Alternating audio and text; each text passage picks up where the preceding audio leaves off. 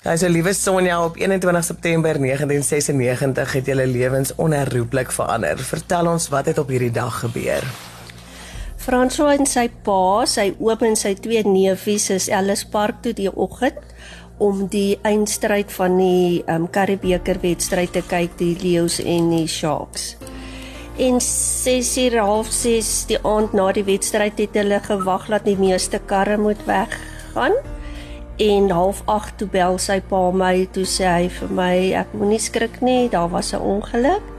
François raak gery, het baie seer gekry. Sy um breinbeserings is baie erg. Hulle is nou by die Milpark Hospitaal in Auckland Park. Sjoe, Sonja, en watter ander gebreke het hy gely? Ehm um, die kar het hom gestamp, 'n kar, 'n dronk man het in die parkeerarea ingejaag om ehm um, raak gery op die sypaadjie waar hy gestaan het. Hy het in die lug in teen die kar se windskerm onder weer op die plaveisel. Sy brein het in duisend stukkies geskeur sy um kop het 'n sny gehad, sy linkerskouer is af, sy bekkenbeen is gebreek, sy linker onderbeen was vergrys. Um hy was in totaal net stikkend. Sonja, jy sê vir my die volgende in jou e-pos. Dis so wonderlike voorreg om elke oggend wakker te word en Franswa se opgewondenheid in sy stem te hoor as hy dankie sê vir nog 'n dag wat God vir hom gegee het en om te lewe. Hy word November 37 jaar oud. Wat was destyds sy prognose en vir hoe lank was hy toe nou in 'n koma? Weet jy sy prognose was hy sou net 4 maande gelewe het. Die dokter het gesê sy brein het so seer gekry, hy gaan totale koolkoppie wees. As sy uit die koma wakker word, sal hy nie eers weet ek is sy ma nie. Ek moet dit weet. Hy gaan net 4 maande lewe en um, ek moet hom huis toe vat laat hy net in sy eie kamer kan doodgaan. Dit was die dokter se woorde. Mevrou Retief vat Frans huis toe laat hy in sy eie kamer kan doodgaan. Hy was 6 maande in die hospitaal en amper 8 maande in 'n semikoma en op die 3de April 1997 het hy wakker geword, maar hy kon nie praat nie. So, Sonja.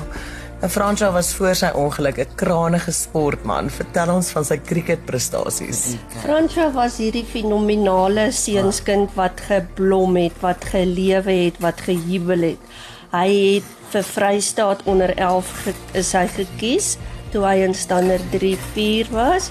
Hy het al in standaard 1 vir Vrystaat onder 9 kriket gespeel en toe is hy verre noord Vrystaat onder 11 kaptein. Die eerste in sy skool wat hierdie eer ehm um, toegekom het om vir Vrystaat te kon kriket speel. Ehm um, hy het paaltjies gebou, 3 hat-tricks gebou, hy het lyne en lengte gebou. Hy het dotballe gebal.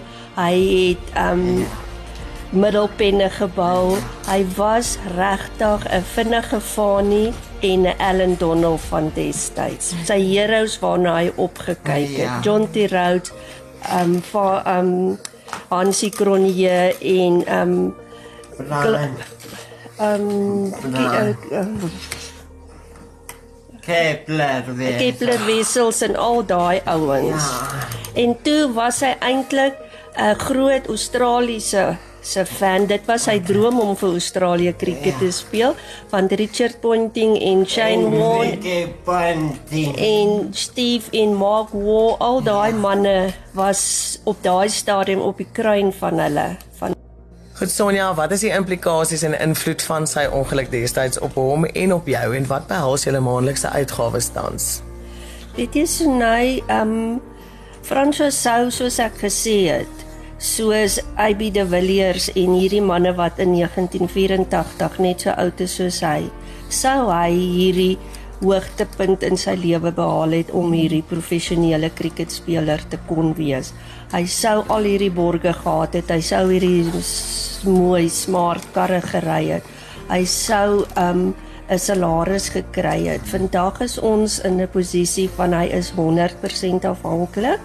Hy um kan glad nie alleen funksioneer nie en um Finansieel is dit moeilik. Ek kry van die Road Accident Fund, die RAF kry ons 'n maandelikse salaris tipe iets om om te versorg, een vir die dag en een vir die nag. Ek het 'n swart man, 'n absolute engel wat die Here vir ons gegee het en sy naam is Gift.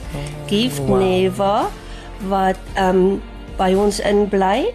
Hy versorg François in die dag en dan van 5:00 tot 7:00 in die aand tot in die oggend kyk ek na hom en daarvoor kry ek 'n inkomstetjie. Maar met al die dinge en COVID nou was dit moeilik wat hulle nie regtig op die einde van die maand hierdie ehm um, salarisse betaal nie. Debit orders wat moet afgaan wat dit dan moeilik maak en ek self moes my werk bedank het in van in Sasolburg waar ek 13 jaar by die stadsraad gewerk het om Pretoria toe te verhuis. Hier het ek 17 jaar by Stella Straat Kerk gewerk wat my passie was, wat my lewe was en toe ek 60 geword het 2018 toe is het my kontrak geëindig. So nou is ek 'n pensionaris en ek en Frans was by die huis en ons geniet elke oomblik saam met mekaar. Maar finansiëel is dit moeilik. Hy het kroniese medikasie wat hy elke maand moet drink. Dit is so tussen 2500 2300 elke maand en ehm um, sy groepie waarna toe hy gaan moet ek betaal. Ek het my mediese premie wat moet afgaan, my ehm um, versekerings vir die huis. So daar's 'n hele paar goed. Hmm wat so in die omgewing van 14000 rand dalk miskien is van van wat ons elke maand moet betaal. Sonja, hoe hou julle tans kop bo water? Ehm um, weet jy ons is so bevoorreg om so 'n groot ondersteuningsnetwerk te hê. My sussie en haar man Leana en Chris Ginter bly by ons of liewesters ons het ons huis in die helfte gedeel toe oupa oorlede is. So hulle is hier so hulle betaal die water en ligte en ek en François doen die ander goed en dan die ander familie almal weet almal help maar eers en ehm um, ja as ek net dink nou kan dit nie meer nie dan kom daar eers 'n ietsie vandaan mm. en dan stuur die Here mense oor ons pad soos Groot FM. Mm. Hierdie mense wat net weet en verstaan en dan weet ons die Here is so groot, hy is so goed. Um hy's awesome. Hy is 'n gentleman. Hy werk saggies met my en ja, Frans. Wow. Sonja, jy is al deur geweldige trauma en hartseer, nie net met Frans se ongeluk destyds nie, maar jou eksman is oorlede, jou ma en jou pa en jou oudste seun is ook oorlede en dit alles in 'n kort tyd. Hoe bly jy positief? Weet jy, François het my geleer om nooit moed op te gee nie. Want François is na 25 jaar vandag na die ongeluk is hy waar hy is omdat hy nooit opgegee het nie. Hy het my geleer om altyd blymoedig te wees. Hy het my geleer om altyd dankbaar te wees en hy het my geleer om nooit enige iets as vanselfsprekend aan te aanvaar nie elke oggend as Fransja wakker word en hy heel en hy en hy lag van opgewondenheid en hy sê vir my ma ek is so bly die Here het my nog 'n dag gegee om te lewe. Dan besef ek net Sonja, jy is so bevoorreg. Dan kom ek um, om die ketel aan te sit en ek sien as die son net sy koppie so op uitsteek en is so oranje geverf, dan dink ek net Here, Dankie dat ek nog 'n dag saam met François kan wees, dat ek nie by die hoopie grond is of by sy boetie se nissie is waar sy as is as in is nie. Want François is so konsidererend. Hy is regtig so dankbaar vir alles. Hy jubel en juig ongeag sy omstandighede waarin hy so in sy liggaam vasgevang is. Hy wil so graag opstaan en loop. En ek glo Franswa gaan die 3de April whenever gaan hy opstaan en loop. Hy het die 3de April wakker geword uit die koma. Hy die 3de April het hy gepraat. Die 3de April het hulle my kombi toe ons in Pretoria ingetrek het gesteel met die hidroliese huiser vir sy rolstoel. Ja. Toe sê ek van Frans ons het nie 'n huiser nodig vir jou rolstoel nie want jy gaan die 3de April opstaan en loop. En ek bid elke aand, Here, dankie vir Fransja wat staan, dankie vir Fransja wat die 3de April opstaan. Sonja, Het jy die man vergewe wat Franswa raak gery het? Weet jy so net dit is 'n baie goeie vraag. Ja, ek het die man vergewe. Ek was nog nooit regtig vir hom kwaad nie. Ek was kwaad vir die drank, die duiwel wat in die drank was wat gemaak het dat hy so so gery het. Ek het en en ek was ook nog nooit vir die Here kwaad nie. Baie het dalk vir my gevra, Sonja, is jy kwaad vir God? Sê ek nee, as God 'n punt gesit het, hoe kan ek 'n vraagteken, die punt 'n vraagteken maak? Ek weet nie, ek verstaan nie, dit is te groot vir my. Maar ek weet God is in bewe in beheer en dat ek weet God François gebruik het vir goed wat wat nooit enigsins andersins sou kon gewees het nie. So ja, ek was van die begin af nog nooit kwaad vir die man nie. Ons het hom vir die eerste keer na 4 jaar in die in die ehm um, hof gesien en ehm um, hy het 6 maande huisarrest gekry en 6 maande gemeenskapsdiens.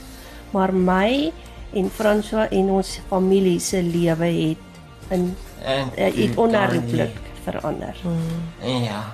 Saam Sonja François, ons is vandag hier om ook net sommer vir julle dankie te sê dat julle vir ons wys wat is blymoedigheid, wys Ja. wat is vergewensgesindheid Ja. en uh, daarom wil ons graag julle storie vertel en daarom is dit vir ons 'n voorreg om hier te kan kuier vandag. En liewe Sonja, ek wens ons kan vir jou maandelikse verligting bring, maar ons glo hierdie wat ons vandag vir julle het, gaan reeds 'n groot verskil maak. Ja. Ons bring vir julle vandag van ons familie van Spar 'n R2000 geskenkbewys vir kruideniersware sodat julle nie daar hoef te bekommer nie vir 'n rukkie. En Baie dan wil ons graag met behulp van Chris Boysen en Wheelchairs on the Run vir François 'n patient lifter hydraulic hoist en 'n pasgemaakte riser recliner stoel skenk. Oh dit is unbelievable. Ja, dankie baie baie. Baie Ja, dankie. dankie. Oh, dit is so awesome. Dit is so awesome. that, oh, thank you God for all your help.